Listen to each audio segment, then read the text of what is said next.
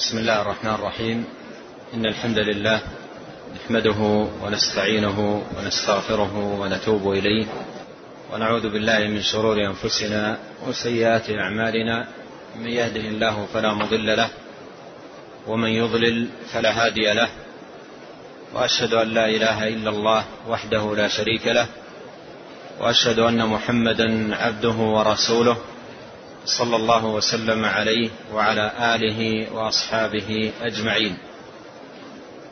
أما بعد لما أنهى المصنف رحمه الله إيراد الأذكار والدعوات المأثورة المتعلقة بالنوم واليقظة منه شرع في إيراد الأذكار المتعلقة بدخول المنزل والخروج منه.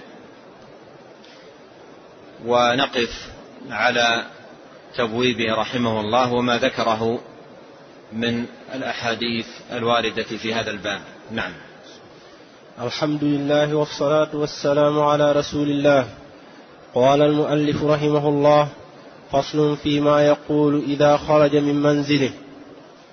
قال رحمه الله قال أنس رضي الله عنه قال رسول الله صلى الله عليه وسلم من قال يعني إذا خرج من بيته بسم الله توكلت على الله لا حول ولا قوة إلا بالله يقال له كفيت ووقيت وهديت وتنحى, وتنحى عنه الشيطان فيقول لشيطان آخر كيف لك برجل قد هدي وكفي ووقي؟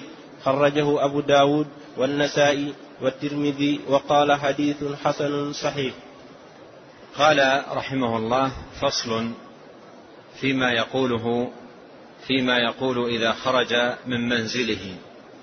من خرج من منزله لحاجة من حاجاته أو مصلحة من مصالحه الدينية أو الدنيوية فإنه يشرع له أن يكون خروجه أن يكون في خروجه من منزله ملتجئا إلى الله سبحانه وتعالى طالبا مده وعونه وتوفيقه.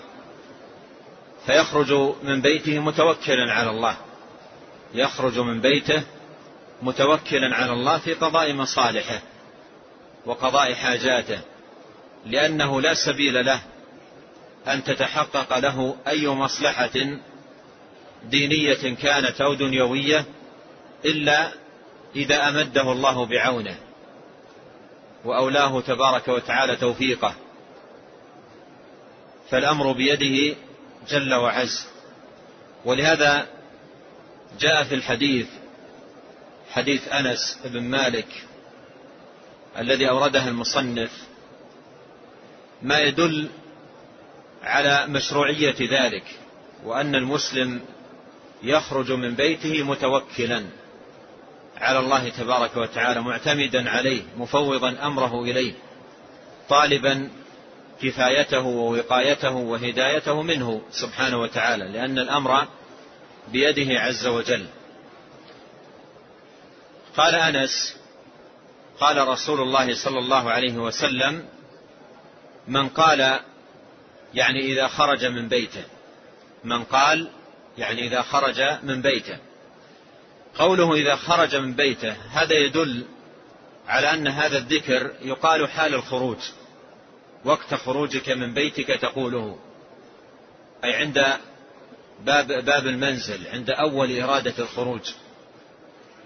ولو فاتك ذلك في أول الخروج لا بأس أن تأتي به ولو ولو ولو كنت قد خرجت.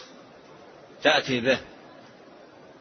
الأصل أن يكون عند خروجك يعني حال الخروج من البيت فإن فاتك أو غفلت عنه فلا بأس لو أتيت به ولو بعد الخروج يعني ولو بعد تجاوزك للمنزل.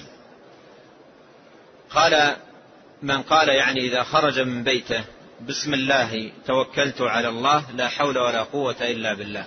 أي قال هذه الجمل الثلاث أو هذه الكلمات الثلاث. بسم الله توكلت على الله لا حول ولا قوة إلا بالله. وإذا تأملت هؤلاء الكلمات الثلاث تجد أنها كلها كلمات توكل على الله. كلها كلمات توكل على الله وتفويض إليه سبحانه وتعالى واعتماد عليه.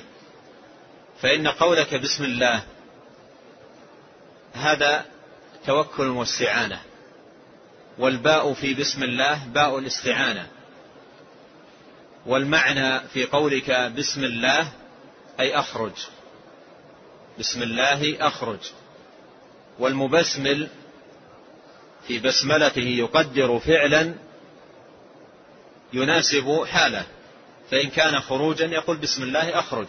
المقدر أخرج. وإن كان دخولا بسم الله أدخل. إن كان كتابة بسم الله أكتب. إن كان أكلا بسم الله آكل. وهكذا. ويحسن أن يكون المحذوف المقدر تقديره مؤخر تيمنا بالبدء ببسم الله. تيمنا بالبدء ببسم الله. بسم الله أي أخرج من بيتي. خروجي هذا من بيتي بسم الله. وعرفنا أن الباء باء الاستعانة. فالمعنى أخرج مستعينا بالله تبارك وتعالى متبركا بذكر اسمه تبارك وتعالى. توكلت على الله. أي التجأت إليه. وفوضت أمري إليه. والتوكل عمل قلبي. من أعمال القلوب وهو عبادة لله تبارك وتعالى لا يجوز صرفها لغيره سبحانه. لا يجوز صرفها لغيره سبحانه. قال قال الله تعالى فعلى الله وعلى الله فتوكلوا إن كنتم مؤمنين. وعلى الله فتوكلوا إن كنتم مؤمنين. فالتوكل من الإيمان وهو عبادة وطاعة لا يجوز أن تصرف لغير الله تبارك وتعالى. لا يجوز أن تتوكل على أحد من المخلوقين.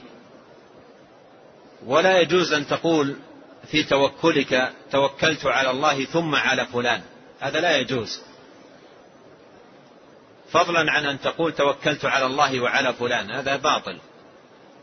فالتوكل عبادة لا يجوز صرفها إلا لله تبارك وتعالى وهي عبادة قلبية وعمل قلبي. بل هو من أجل أعمال القلوب وأعظمها فإن مقام التوكل من مقامات الدين الرفيعة ومنازله العلية. ومتى ما صح من العبد توكله على الله عز وجل وحسن استقامت أموره كلها وطابت أعماله جميع جميعها وحسنت حاله مع الله تبارك وتعالى وزاد إيمانه.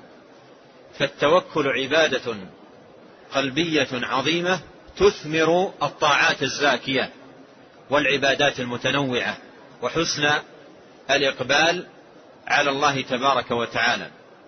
وتثمر أيضا توفيق الله عز وجل لعبده وكفايته له. كما قال الله تبارك وتعالى ومن يتوكل على الله فهو حسبه أي كافيه فالله عز وجل كافي من توكل عليه. ومعين من استعان به سبحانه وتعالى. فقوله توكلت على الله هذا فيه اعتماد العبد على الله فيخرج من بيته متوكلا على الله أي مفوضا أمره إلى الله سبحانه وتعالى. ثم قال لا حول ولا قوة إلا بالله. وهذه كلمة استعانة. كلمة استعانة بالله تبارك وتعالى. ومعنى لا حول ولا قوة إلا بالله أي لا تحول من حال إلى حال ولا حصول قوة للعبد إلا بالله تبارك وتعالى. فهي كلمة استعانة فيها طلب العون من الله عز وجل. ولهذا شرعت في هذا المقام لأنك إذا خرجت من بيتك لأي مصلحة, لأي مصلحة كانت دينية كانت أو دنيوية فأنت بحاجة إلى عون الله لك لتتحقق المصلحة وليتم مرادك. فشرع لك أن تستعين. قائلا لا حول ولا قوة إلا بالله. فقولك لا حول ولا قوة إلا بالله هذا طلب عون من الله. واعتراف منك أن أمورك كلها بيده فلا تحول حال من فلا تحول من حال إلى حال ولا حصول قوة لك إلا بالله تبارك وتعالى فالأمر بيده. إذا هؤلاء الكلمات الثلاث بسم الله توكلت على الله لا حول ولا قوة إلا بالله كلها كلمات استعانة وتوكل. والإتيان بها في هذا الموضع حال خروجك من بيتك هو في غاية المناسبة وتمام الموافقة لأنك خارج لا لا لمصالحك الدينية أو الدنيوية. فالمناسب أن يكون خروجك فيه طلب عون من الله والتجاء إليه. فجاءت هذه الكلمات الثلاث كلها كلمات استعانة. بسم الله توكلت على الله لا حول ولا قوة إلا بالله. لما ذكر صلوات الله وسلامه عليه هذا الذكر المبارك الذي يقال يشرع أن يقال عند خروج المرء من بيته ذكر ثمرته عليه الصلاة والسلام وذكر فائدته لمن قاله. يقول يقال له كفيت ووقيت وهديت. يقال له أي هذه الكلمات الثلاث. يقال له كفيت ووقيت وهديت. من الذي يقول له هذا الكلام؟ قيل إن الذي يقول له هذا الكلام هو الله سبحانه وتعالى وقيل إن, إن الذي يقول هذا الكلام ملك ملك من الملائكة وكل الله تبارك وتعالى إليه هذا الأمر. وهذا القول كفيت ووقيت وهديت فعلا يقال وإن كان من خرج لا يسمعه. وإن كان من خرج من بيته لا يسمعه لا يسمع صوتا ولا يسمع قائلا. لكن المؤمن على يقين من ذلك على يقين أنه يقال له ذلك وإن لم يسمع. وهذا من جملة إيماننا بالغيب الذي امتدح الله أهله في قوله هدى للمتقين الذين يؤمنون بالغيب فهذا من جملة إيماننا بالغيب. فمن يخرج من بيته ويقول هؤلاء الكلمات بسم الله توكلت على الله. لا حول ولا قوة إلا بالله. يقينا يقال له هديت كفيت وقيت. إما أن الذي يقول ذلك رب العالمين أو أن الذي يقول ذلك ملك من الملائكة يكل الله أو وكل الله له ذلك. فالمسلم وإن لم يسمع قائلا يقول له ذلك فإنه من هذا الأمر على يقين. ولهذا نظائر كثيرة جدا في السنة. من ذلكم ليالي هذا الشهر الفضيل. ليالي هذا الشهر الفضيل. قال عليه الصلاة والسلام وينادي مناد كل ليلة. وينادي مناد كل ليلة. يا باغي الخير أقبل. ويا باغي الشر أمسك. فنحن وإن كنا لا نسمع صوت هذا القائل إلا أننا منه على يقين. إلا أننا منه على يقين. نحن على يقين أن قائلا يقول كل ليلة من ليالي رمضان يا باغي الخير أقبل ويا باغي الشر أمسك. وكما قدمت كل ذلك من الإيمان بالغيب. وهنا عندما تخرج من بيتك وتقول هؤلاء الكلمات الثلاث بسم الله توكلت على الله لا حول ولا قوة إلا بالله كن على يقين كن على يقين وهنا الإيمان وثمرته. كن على يقين أنه قيل لك هديت وكفيت ووقيت. فتمشي على الثقة بالله تبارك وتعالى. وحسن الاعتماد عليه جل وعلا. وتشعر أنك قد حصلت لك هذه الكفاية والهداية والوقاية. من الله عز وجل منا وتفضلا. وهذا ثمرة هذا الذكر المبارك. قال يقال له كفيت ووقيت وهديت. أي يقال له هذه الكلمات الثلاث. وكل واحدة من هذه الكلمات الثلاث لها متعلق. وذلك أن من خرج من بيته من خرج من بيته لمصالحه الدينية والدنيوية يحمل هم تحقق الأمر الذي خرج لأجله واشتغل باله به ويحمل هم السلامة من شر الأشرار وكيد المؤذين وعدوان المعتدين. وأيضا يحمل هم السداد والتوفيق والإصابة. كل هذه أمور يحمل همها إذا خرج من بيته. ولهذا يقال له في ذلك كله هديت وكفيت ووقيت. هديت أي الطريق المستقيم. هديت الطريق المستقيم والجادة السوية وسلمت من الضلال. قد من الله عليك بالهداية إلى طريقه المستقيم وسبيله السوي. ويدخل في ذلك اهتداؤك إلى المصلحة التي خرجت لأجلها. المصلحة النافعة التي خرجت لأجلها من مصالح دينك ودنياك هديت. والأمر الثاني كفيت أي كفيت ما أهمك لأن من يخرج يخرج مهتما لأمر ما يحمل هم فعله وهم تحققه وهم صلاحه. فيقال له كفيت يقال له كفيت. كفيت ذلك. أي كفاك الله إياه. وأنت ب وأنت في كفاية الله تبارك وتعالى. قال كفيت. والأمر الثالث يقال له وقيت. وقيت أي مما تخشى أن يحصل لك. مما تخشى أن يحصل لك من ضرر أو أذى أو ظلم أو عدوان أو نحو ذلك. فكل كلمة من هذه الكلمات الثلاث لها متعلق. قال بعض آه، آه، العلماء آه، إن هذه الأمور الثلاثة الهداية والكفاية والوقاية لكل منها متعلق فيما خرج الإنسان لأجله وأن من خرج فإنه يخرج بإذن الله تبارك وتعالى وقد نال هذه الأمور. الهداية والكفاية والوقاية. الهداية والكفاية والوقاية. ثم قال فيقول وتنحى عنه الشيطان. هذه ثمرة أخرى. وتنحى عنه الشيطان. وهذا من جملة الوقاية التي حصلت له. لأنه وقي. وهدي وكفي. فالشيطان ليس له سبيل على من كان كذلك. ليس له سبيل على من كان كذلك. لأنه هدي وكفي ووقي.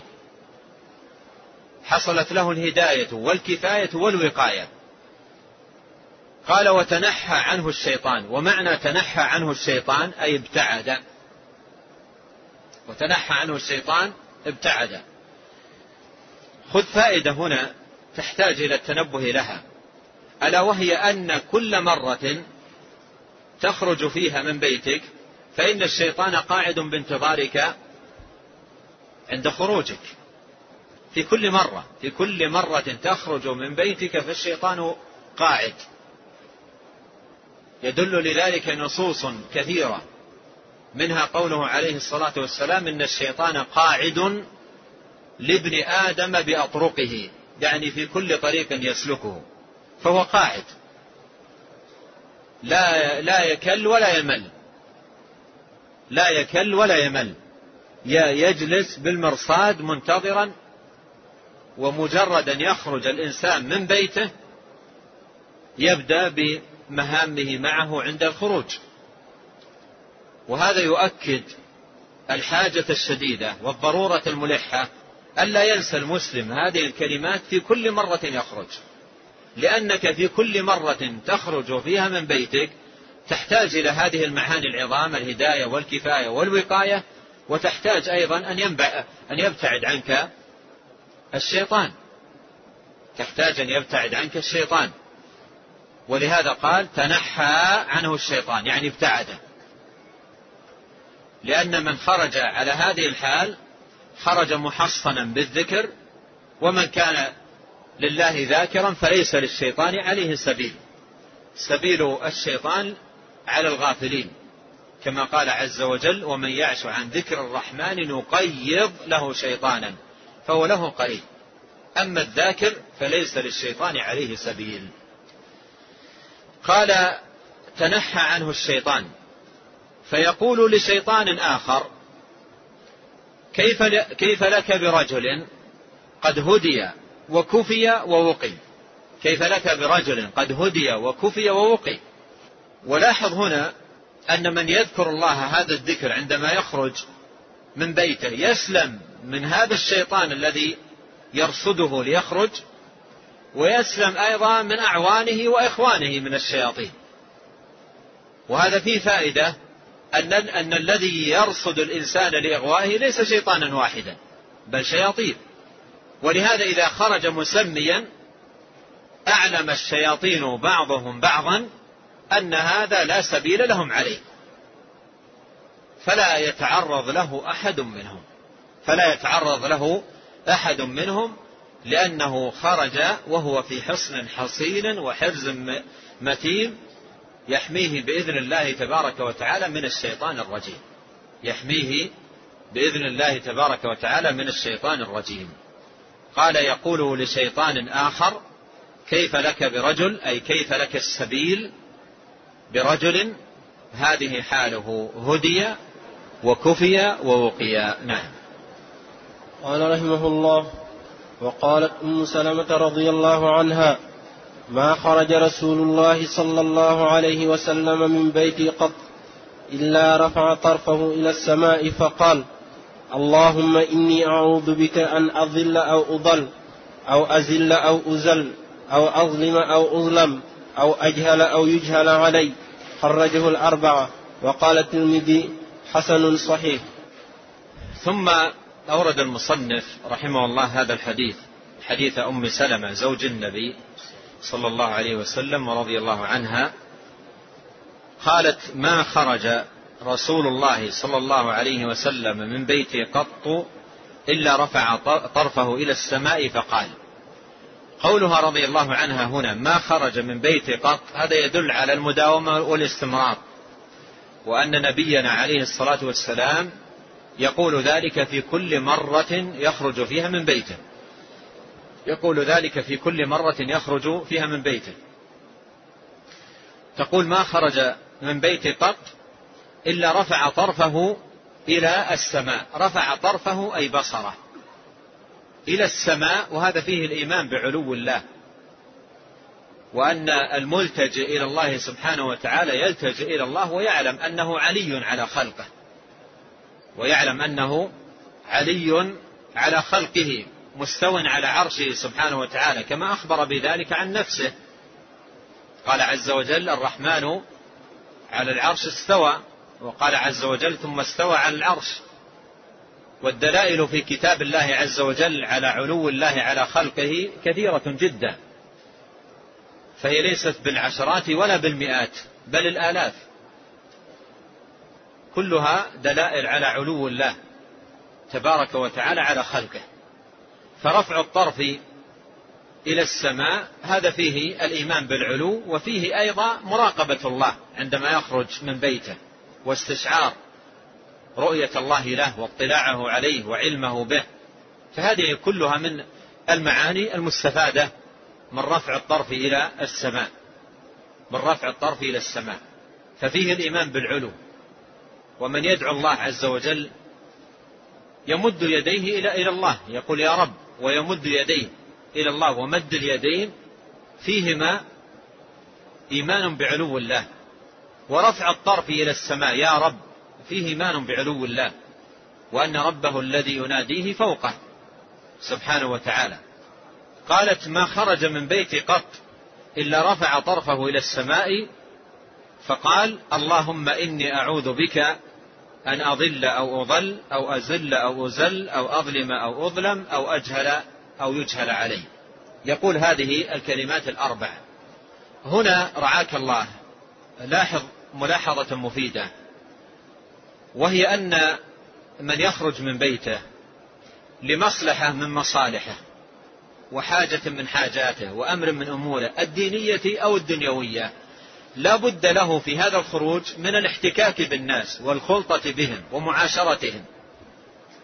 والناس أجناس وأصناف ومعادن وأخلاقيات متفاوتة.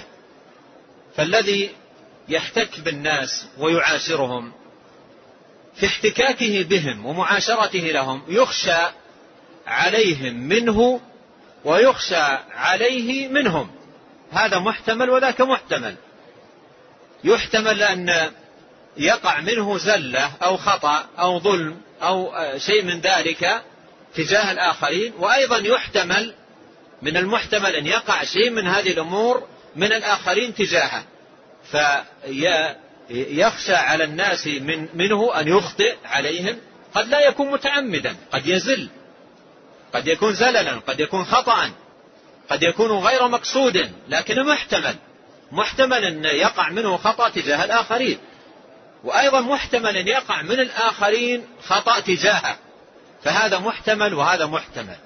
ولهذا جاءت هذه الدعوة العظيمة المباركة التي يشرع للمسلم أن يقولها في كل مرة يخرج من بيته سادة هذا الباب.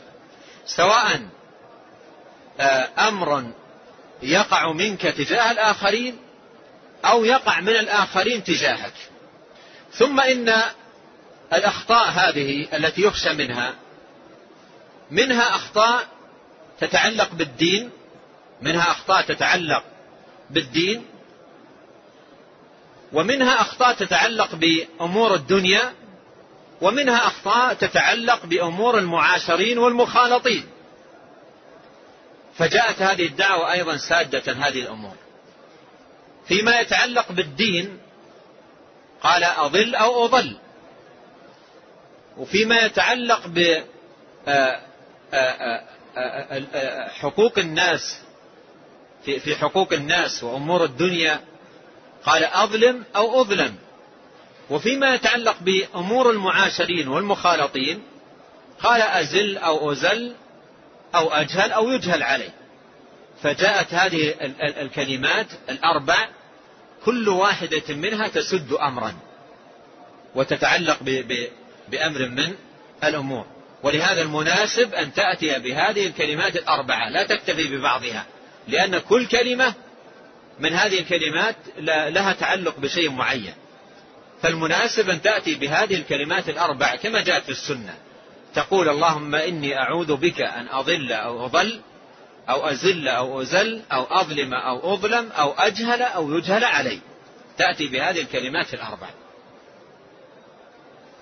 وأيضا نبه بعض العلماء إلى ارتباط جميل بين هذا الدعاء وبين المعاني المذكورة في الحديث الذي قبله في قوله هديت وكفيت ووقيت. فإن الأمور الأربعة متعلقة بالأمور الثلاثة المذكورة في الحديث السابق هديت وكفيت ووقيت. فقولك اللهم إني أعوذ بك أن أضل أو أضل هذا هداية. هذا هداية. وقولك أن أظلم أو أظلم هذا وقاية. وقولك أزل أو أزل أو أجهل أو يجهل عليه هذا كفاية. ف ففيه ارتباط بين هذا والذي قبله. ولهذا أيضا نبه العلماء أن من المشروع ومن الأكمل للعبد أن يأتي بهما معا. فتقول عندما تخرج من بيتك بسم الله توكلت على الله لا حول ولا قوة إلا بالله اللهم إني أعوذ بك أن أضل أو أضل أو أزل أو أزل أو أظلم أو أظلم أو أجهل أو يجهل علي. قولك اللهم إني أعوذ بك. الاستعاذة مر الكلام على معناها وهي التجاء إلى الله سبحانه وتعالى لطلب الحماية والوقاية. فالمستعيذ بالله ثار إليه ملتجئ إليه يطلب, يطلب منه حمايته وكفايته. فالاستعاذة فرار إلى الله عز وجل مما يخشاه العبد ويخاف منه طالبا من ربه سبحانه وتعالى أن يحفظه وأن يقيه وأن يكفيه هذا معنى قولك اللهم إني أعوذ بك أن أضل أو أضل. أن أضل أي أن أقع في الضلال وهو ضد الهداية. أن أقع في الضلال أي أن أنحرف عن الجادة السوية والصراط المستقيم. وأنت عندما تخرج من بيتك مطالب أن تمشي على صراط مستقيم. ولهذا تحتاج تسأل الله أن يسلمك من الضلال بالانحراف عن هذا الصراط. أضل اللهم أني أعوذ بك أن أضل أي أن أقع في الضلال. والضلال ضد الهداية. أن أضل أي أنا في نفسي. أو أضل أي أن يوقعني غيري في الضلال. وهذا فيه فائدة أن الإنسان ضلاله قد يكون من نفسه الأمارة بالسوء. قد يكون من نفسه الأمارة بالسوء يعني لا لا لا يأتيه أحد يغويه أو يحرفه وإنما نفسه الأمارة بالسوء تحرفه وتأخذ به إلى طريق الضلال. فهذا قوله أضل. وقول أو أضل هذا فيه أن ضلال الإنسان قد يكون بتسبب شيطان إنسي أو جني. فقد يكون الذي أوقعه في الضلال أو جره إلى الضلال أحد من الناس أو شيطان من من شياطين الجن حرفه. ولهذا تسأل الله عز وجل قائلا اللهم أني أعوذ بك أن أضل يعني أن أذهب أنا بنفسي إلى الضلال أو أضل أن يجرني غيري إلى الضلال. ولاحظ هنا أن, أن الإنسان قد يخرج من بيته و و و ولم يدر في خلده أن يذهب إلى ضلالا. ولكن يبتلى بقرين سوء أو بشيطان فيجره والعياذ بالله إلى حيث الضلال وإلى حيث الانحراف. فيحتاج العبد أن يتعوذ بالله تبارك وتعالى من ذلك. اللهم أني أعوذ بك أن أضل أو أضل. أو أزل أو أزل. أزل أي أن أقع في الزلل. والوقوع في الزلل هو الوقوع في الخطأ من حيث لا يشعر. الوقوع في الخطأ من حيث لا يشعر. ومنه قولهم زلت قدم فلان. الزلة هي العثور العثور والسقوط والهوي من حيث لا يشعر الإنسان. ولهذا يقال آه، آه، زلت قدمه إذا سقط عن غير شعور. فهنا تقول اللهم إني أعوذ بك أن أزل. أو أزل. أن أزل يعني أن آه، أخطئ وأغلط لا عن شعور وأنا ذاهل أو أزل أن يوقعني غيري في الزلل. فتتعوذ بالله تبارك وتعالى من أن تقع في الزلل بنفسك أو أن يوقعك فيه موقع. فتتعوذ بالله تبارك وتعالى من ذلك. ثم الأمر الثالث قال أو أظلم أو أظلم. أو أظلم أو أظلم. أي أعوذ بك يا الله من أن أظلم أو أظلم. والظلم وضع الشيء في غير موضعه. الظلم وضع الشيء في غير موضعه. فأنت تتعوذ بالله تبارك وتعالى من ذلك. وقولك أظلم أي نفسي أي أظلم نفسي والإنسان قد يظلم نفسه وكل عصيان من الإنسان لله هو ظلم للنفس وأيضا قولك أو أظلم أي الآخرين. فإن قولك أظلم يشمل ظلمك لنفسك وظلمك لغيرك. فأنت تتعوذ بالله من أن تظلم نفسك ومن أن تظلم غيرك. هذا معنى قولك أن أظلم. أو أظلم أو أظلم أي أن يظلمني الآخرين.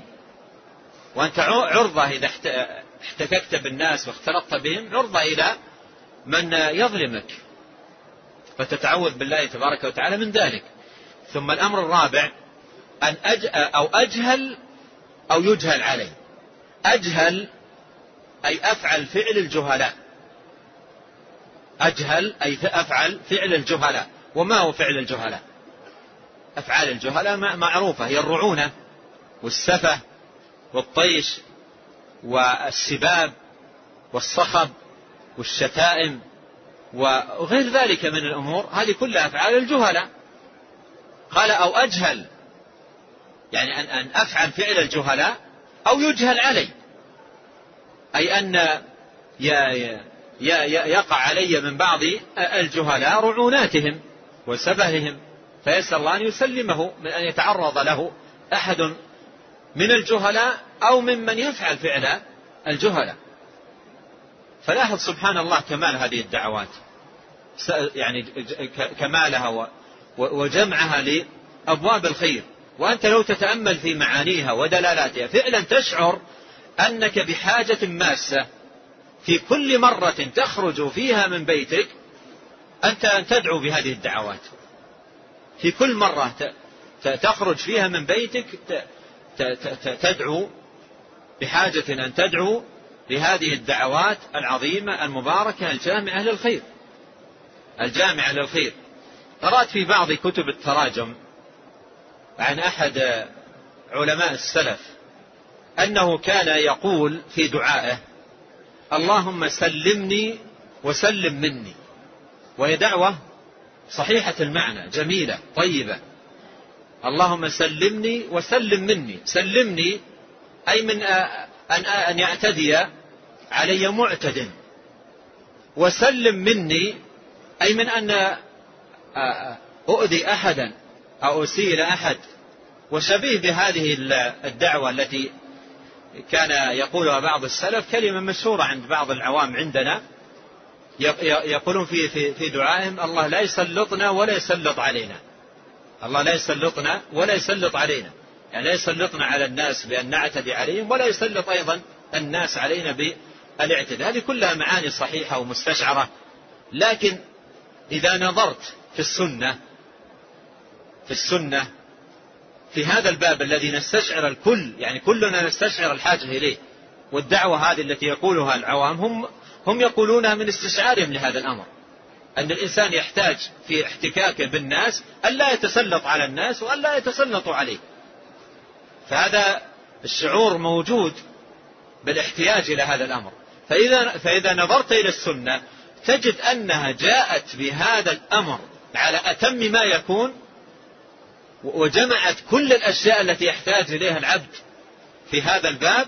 وأيضا أمر آخر ألا وهو أن التوقيت الذي يؤتى به هذا الدعاء التوقيت في غاية المناسبة وهو أن أنه يشرع للمسلم أن يقول هذه الدعوات المباركة كل مرة يخرج فيها من بيته في أي مصلحة كانت دينية أو دنيوية. نعم. قال رحمه الله فصل في دخول المنزل. قال, قال نعم قال رحمه الله فصل في دخول المنزل أي فيما يشرع للمسلم أن يقوله إذا دخل منزله. نعم. قال رحمه الله قال جابر بن عبد الله رضي الله عنهما سمعت النبي صلى الله عليه وسلم يقول إذا دخل الرجل بيته فذكر الله تعالى عند دخوله وعند طعامه قال الشيطان لا مبيت لكم ولا عشاء وإذا دخل فلم يذكر الله تعالى عند دخوله قال الشيطان أدركتم المبيت؟ واذا لم يذكر الله تعالى عند طعامه قال أدركتم المبيت والعشاء خرجه مسلم. قال المصنف رحمه الله فصل في دخول المنزل يعني فيما يقوله من دخل منزله. والنصوص التي وردت في هذا الباب تدل على أن الذي يدخل منزله يشرع له أن يدخل ذاكرا لله يعني مسميا يقول عند دخوله بسم الله وأيضا يشرع له أن يلقي السلام. أن يلقي السلام. السلام عليكم أو يقول السلام عليكم ورحمة الله وبركاته. يلقي السلام. وإلقاء السلام سواء كان البيت فيه أحد أو ليس فيه أحد. السنة أن يسلم وأن يلقي السلام على ما سيأتي بيانه إن شاء الله. فهذا الذي يشرع. أيضا أمر ثالث يشرع له أن يكثر من ذكر الله في بيته وأن يكون البيت بيت ذكر وليس بيت غفلة. وقد مر معنا قول النبي عليه الصلاة والسلام مثل البيت الذي يذكر فيه الله والبيت الذي لا يذكر فيه الله مثل الحي والميت. فإذا المشروع أن يسمي عند الدخول وأن يسلم أن يلقي السلام سواء كان في البيت أحد أو ليس فيه أحد والسلام بركة على المسلم وعلى من في البيت. والأمر الثالث أن يحرص أن يكثر من ذكر الله تبارك وتعالى في بيته. هذا جملة ما يشرع قوله آه، عندما يدخل المرء بيته. أورد أولا حديث جابر بن عبد الله رضي الله عنهما قال سمعت النبي صلى الله عليه وسلم يقول إذا دخل الرجل بيته إذا دخل الرجل بيته فذكر الله تعالى عند دخوله وعند طعامه قال الشيطان لا مبيت لكم ولا عشاء. وإذا دخل فلم يذكر الله تعالى عند دخوله قال الشيطان أدركتم المبيت. وإذا لم يذكر الله تعالى عند طعامه قال أدركتم المبيت والعشاء. هذا الحديث حديث جابر بن عبد الله رضي الله عنهما فيه مشروعية ذكر الله عند الدخول وذكر الله عند تناول الطعام. وفي هذا من الفائدة أن أن من يذكر الله عند دخوله وعند طعامه يسلم من الشيطان. يسلم من مشاركة الشيطان له في بيته ويسلم أيضا من مشاركة الشيطان له في طعامه. قال الله تبارك وتعالى وأجلب عليهم بخيلك واستفزز من استطعت منهم بصوتك وأجلب عليهم بخيلك ورجلك وشاركهم في الأموال والأولاد وعدهم. وما يعدهم الشيطان إلا غرورا. إن عبادي ليس لك عليهم سلطان. إن عبادي ليس لك عليهم سلطان. ذكر العلماء في تفسير هذه الآية هذا المعنى الذي ذكر هنا في الحديث. فقوله وشاركهم في الأموال والأولاد وعدهم وما يعدهم الشيطان إلا غرورا قال المفسر قال المفسرون هذا في حق أهل الغفلة. هذا في حق أهل الغفلة. الشيطان يشارك الغافل في ماله وولده وشاركهم في الأموال والأولاد. فهو يشارك الغافل عن ذكر الله تبارك وتعالى في ماله وولده. يشاركه في ماله ويشاركه في ولده أن يكون له معه في ماله وولده شركة. إذا ترك التسمية إذا إذا ترك ذكر الله تبارك وتعالى. ولهذا قال المفسرون هذا في حق أهل الغفلة. وشاركهم في الأموال والأولاد وعدهم وما يعدهم الشيطان إلا غرورا هذا في حق أهل الغفلة. أما الذاكرون لله عباد الله فليس للشيطان عليهم سبيل ولهذا قال الله تعالى إن عبادي ليس لك عليهم سلطان وكفى بربك ماذا؟ وكيلا. وكفى بربك وكيلا. فهذا آه، آه، فيه آه، أن الذاكر لله تبارك وتعالى محفوظ بحفظ الله وليس للشيطان مشاركة في ماله أو في أهله. قال إذا دخل الرجل بيته فذكر الله عند دخوله وعند طعامه قال الشيطان لا مبيت لكم ولا عشاء هذا انتفاء المشاركة. انتفاء المشاركة في المال والأولاد والطعام. قال لا مبيت لكم ولا عشاء ما في مشاركة.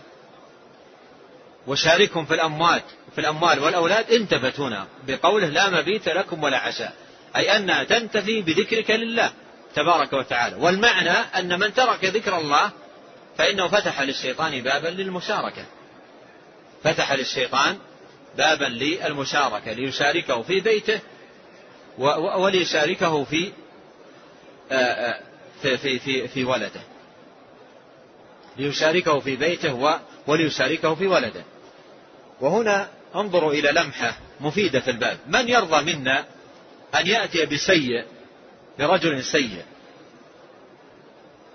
من منا يرضى أن يأتي برجل سيء ويفتح له بيته ويجعل لهذا الرجل السيء الخبيث مشاركة في ماله وفي أولاده.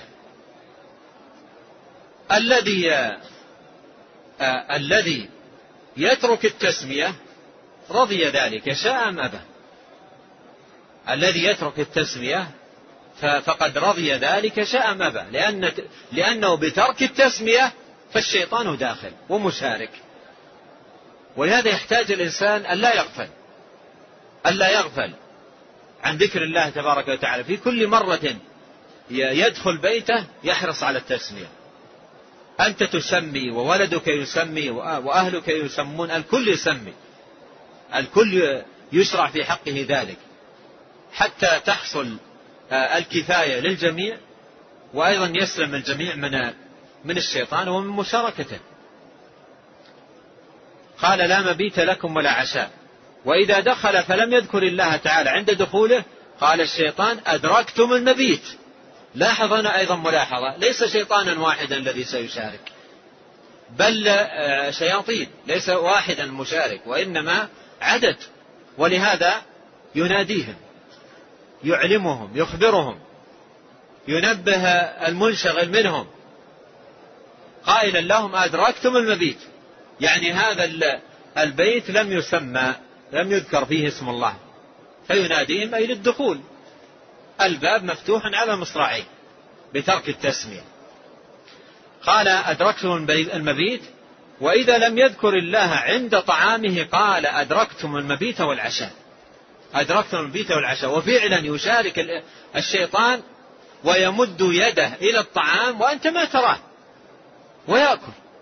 يشاركك في طعامك. جاء في حديث صحيح أن آه، طعاما وضع بين يدي النبي عليه الصلاة والسلام. فجاءت جارية جاءت جارية جاء جاءت جارية كأنما تدفع.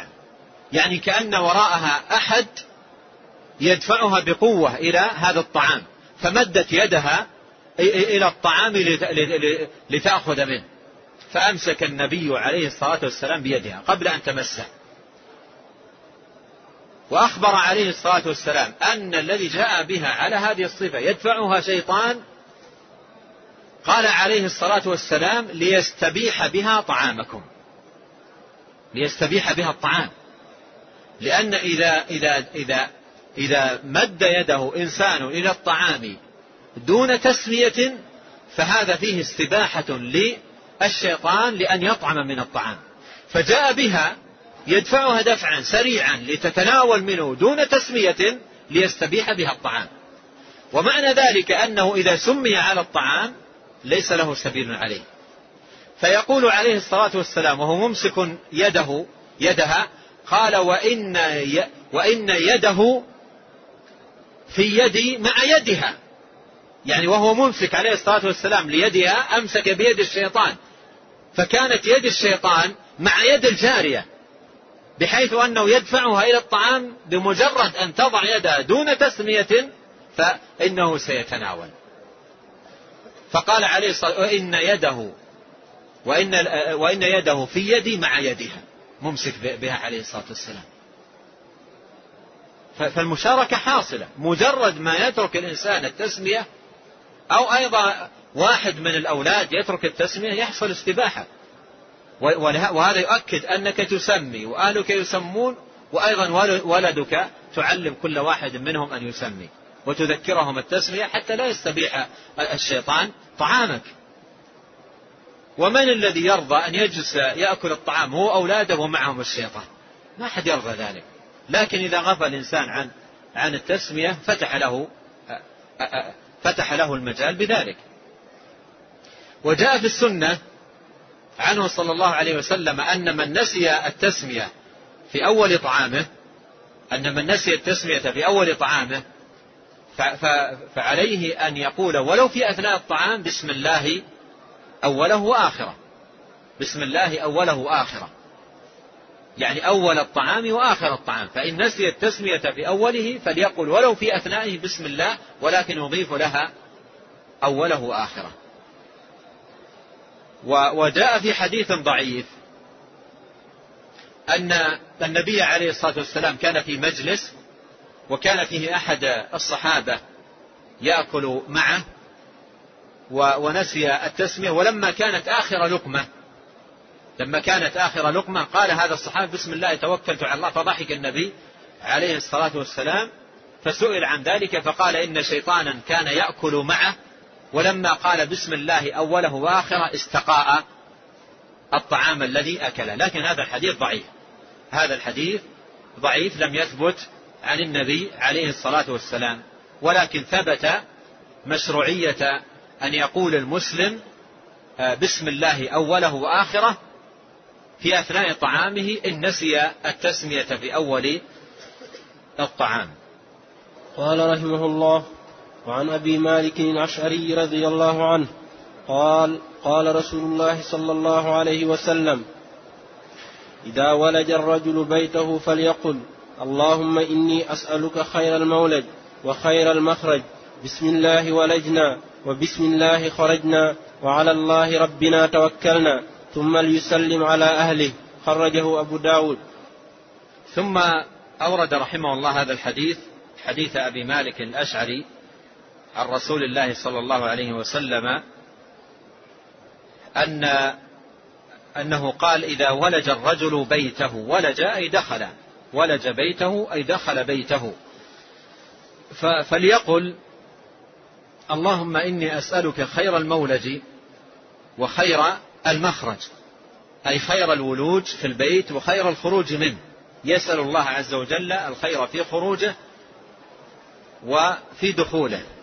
خير المولج أي الدخول وخير المخرج أي الخروج.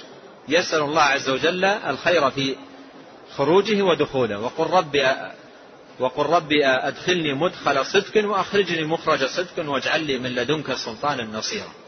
فيسأل الله خير مدخله وخير مخرجه.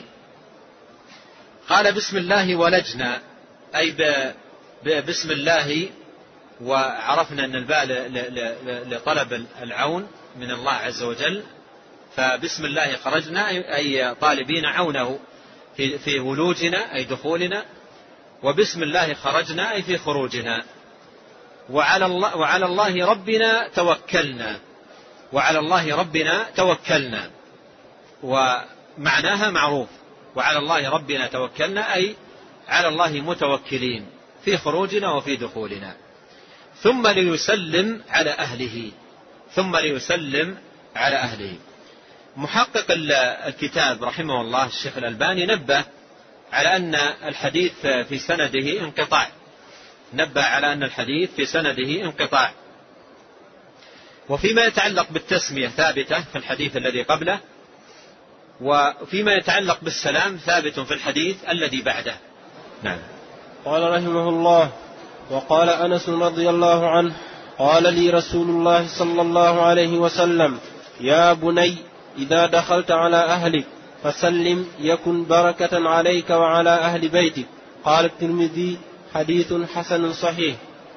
ثم أورد رحمه الله حديث أنس.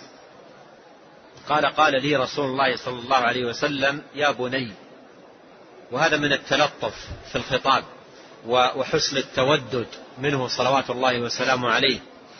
قال يا بني إذا دخلت على أهل على أهلك فسلم يكن بركة عليك وعلى أهل بيتك. وقوله لأنس يا بني فيه تنبيه أو فيه فائدة أن من أراد أن يوجه صغيرا فإن في توجيهه للصغير يحتاج إلى شيء من التلطف معه حتى يفتح قلبه للسماع. حتى يفتح قلبه للسماع. ولهذا يأتي في أحاديث النبي عليه الصلاة والسلام حسن التودد وحسن التلطف وحسن الخطاب مع هؤلاء حتى تنبسط قلوبهم وتنشرح صدورهم وتتهيأ نفوسهم. مثل قوله عليه الصلاة والسلام لمعاذ. يا معاذ إني أحبك فلا تدعن دبر كل صلاة أن تقول. مثل حديث ابن عمر قال أخذ رسول الله صلى الله عليه وسلم بمنكبي مثل هذه اللمسات الطيبة وضع اليد أو كلمة طيبة إنني أحبك أو يا بني أو كلمة جميلة تفتح قلبه تفتح قلبه. بخلاف ما إذا أعطاه كلمة قاسية أو أعطاه كلمة فضة أعطاه كلمة فضة فإنها تسبب انغلاق القلب وعدم الاستجابة. لو أعطاه كلمة مثل أن يصف بلقب سيء أو كلمة بذيئة أو نحو ذلك ثم يوجهه ما يستفيد. لأنه بهذه الرعونة أغلق نفسيته وقلبه عن السماع وعن الاستفادة. قال يا بني إذا دخلت على أهلك إذا دخلت على أهلك فسلم يكن بركة عليك وعلى أهل بيتك.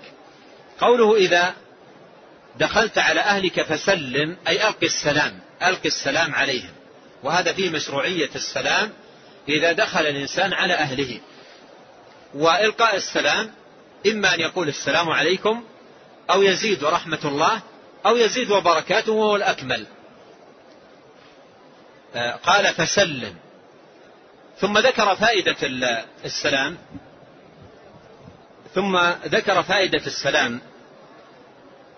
قال يكن بركة عليك وعلى أهل بيتك. يكن أي السلام. بركة عليك أي أنت أيها المسلم وعلى أهل بيتك أي يكون سببا لحلول البركة عليك أنت أيها المسلم وأيضا على أهل بيتك. فالسلام بركة. السلام بركة. ولهذا ما ينبغي الإنسان أن يفوت حلول هذه البركة عليه وعلى أهل بيته في كل مرة يدخل فيها في كل مرة يدخل فيها بيته. أشرت سابقا أن من دخل بيته أو من دخل بيتا فإنه يشرع له أن يسلم سواء كان في البيت أحد أو كان خاليا. قال الله تعالى فإذا دخلتم بيوتا فسلموا على أنفسكم تحية من عند الله مباركة طيبة. قول الله تعالى فسلموا على أنفسكم أي ليسلم بعضكم على بعض. جعل المؤمنين بمثابة النفس الواحدة. لما كانوا مثل الجسد الواحد في توادهم وتعاطفهم وتراحمهم جاء جعلهم بمثابة النفس الواحدة. قال فسلموا على أنفسكم. أي ليسلم بعضكم على بعض. فمن دخل بيتا عليه أن يسلم سواء كان في البيت أحد أو لم يكن فيه. يقول السلام عليكم ورحمة الله وبركاته. وبعض العلماء قالوا إذا لم يكن في البيت أحد فالمشروع أن تقول عند السلام السلام علينا وعلى عباد الله الصالحين. وهذا ورد فيه حديث في موطأ الإمام مالك سنده ضعيف. وجاء في الأدب المفرد عن ابن عمر رضي الله عنهما بسند صحيح أنه قال ذلك. يعني إذا دخلت بيتا ليس فيه أحد فقل السلام علينا وعلى عباد الله الصالحين. وجاء هذا المعنى عن جماعة من التابعين منهم قتادة وغيره رحمه الله. فالشاهد سواء قال السلام عليكم ورحمة الله وبركاته أو قال السلام علينا وعلى عباد الله الصالحين فالمشروع في حقه إن دخل بيتا ليس فيه أحد أن يسلم أن يلقي السلام. وإن لم يكن وإن كان فيه أحد فهذا لا شك أنه من باب أحرى أن تلقي السلام على من أمامك فهو حق للمسلم على أخيه المسلم تسلم عليه ويرد عليك السلام. ثم هنا قال يكن بركة عليك. جاء في حديث آخر عظيم جدا أيضا فيه فائدة جليلة كبيرة جدا في حق من يسلم إذا دخل بيته. وهو حديث رواه ابن حبان وهو ثابت عن النبي عليه الصلاة والسلام يقول فيه ثلاثة ثلاثة كلهم ضامن على الله. ثلاثة كلهم ضامن على الله. ومعنى ضامن على الله أي صاحب ضمان. له ضمان عند الله سبحانه وتعالى. ضمان في ماذا؟ قال ثلاثة كلهم ضامن على الله. إن آه، كتب الله له حياة رزق وكفي. وإن آه، وإن وإن أماته أدخله الله الجنة. إن كتب الله له حياة ضامن على الله. إن أحياه رزقه وكفاه وإن أماته أدخله الجنة. ثلاثة. كلهم ضامن على الله أن يحصل له هذا الأمر. من هم هؤلاء الثلاثة؟ قال من دخل بيته فسلم فهو ضامن على الله. من دخل بيته فسلم فهو ضامن على الله. ومن خرج من بيته للمسجد فهو ضامن على الله.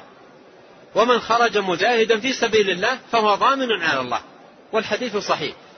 ثلاثة كلهم ضامن على الله. ضامن على الله ماذا؟ إن كتب الله لك حياة رزقك وكفاك وإن توفاك الله أدخلك الجنة. ما هو العمل؟ إذا دخلت بيتك سلم فأنت ضامن على الله.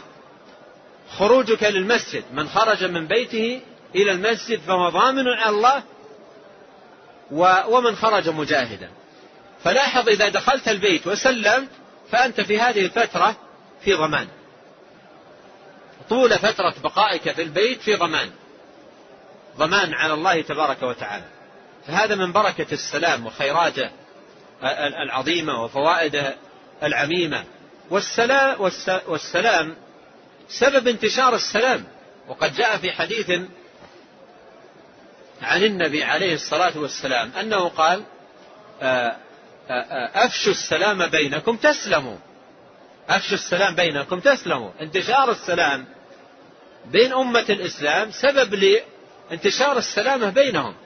ولا سيما إذا كان من يلقي السلام يحقق معناه ويحقق مقصوده وفعلا يلقيه وهو إنسان منه سلامة ليس منه شر وليس منه أذى وليس منه عدوان. فالسلام خير وبركة والسلام ضمان للعبد في, في, في حياته وسبب من أسباب دخول الجنة. كما قال عليه الصلاة والسلام لن تدخلوا الجنة حتى تحابوا حتى تؤمنوا. ثم قال في الحديث ألا أدلكم على شيء إذا فعلتموه وتحاببتم؟ أفشوا السلام بينكم أو كما قال صلوات الله وسلامه عليه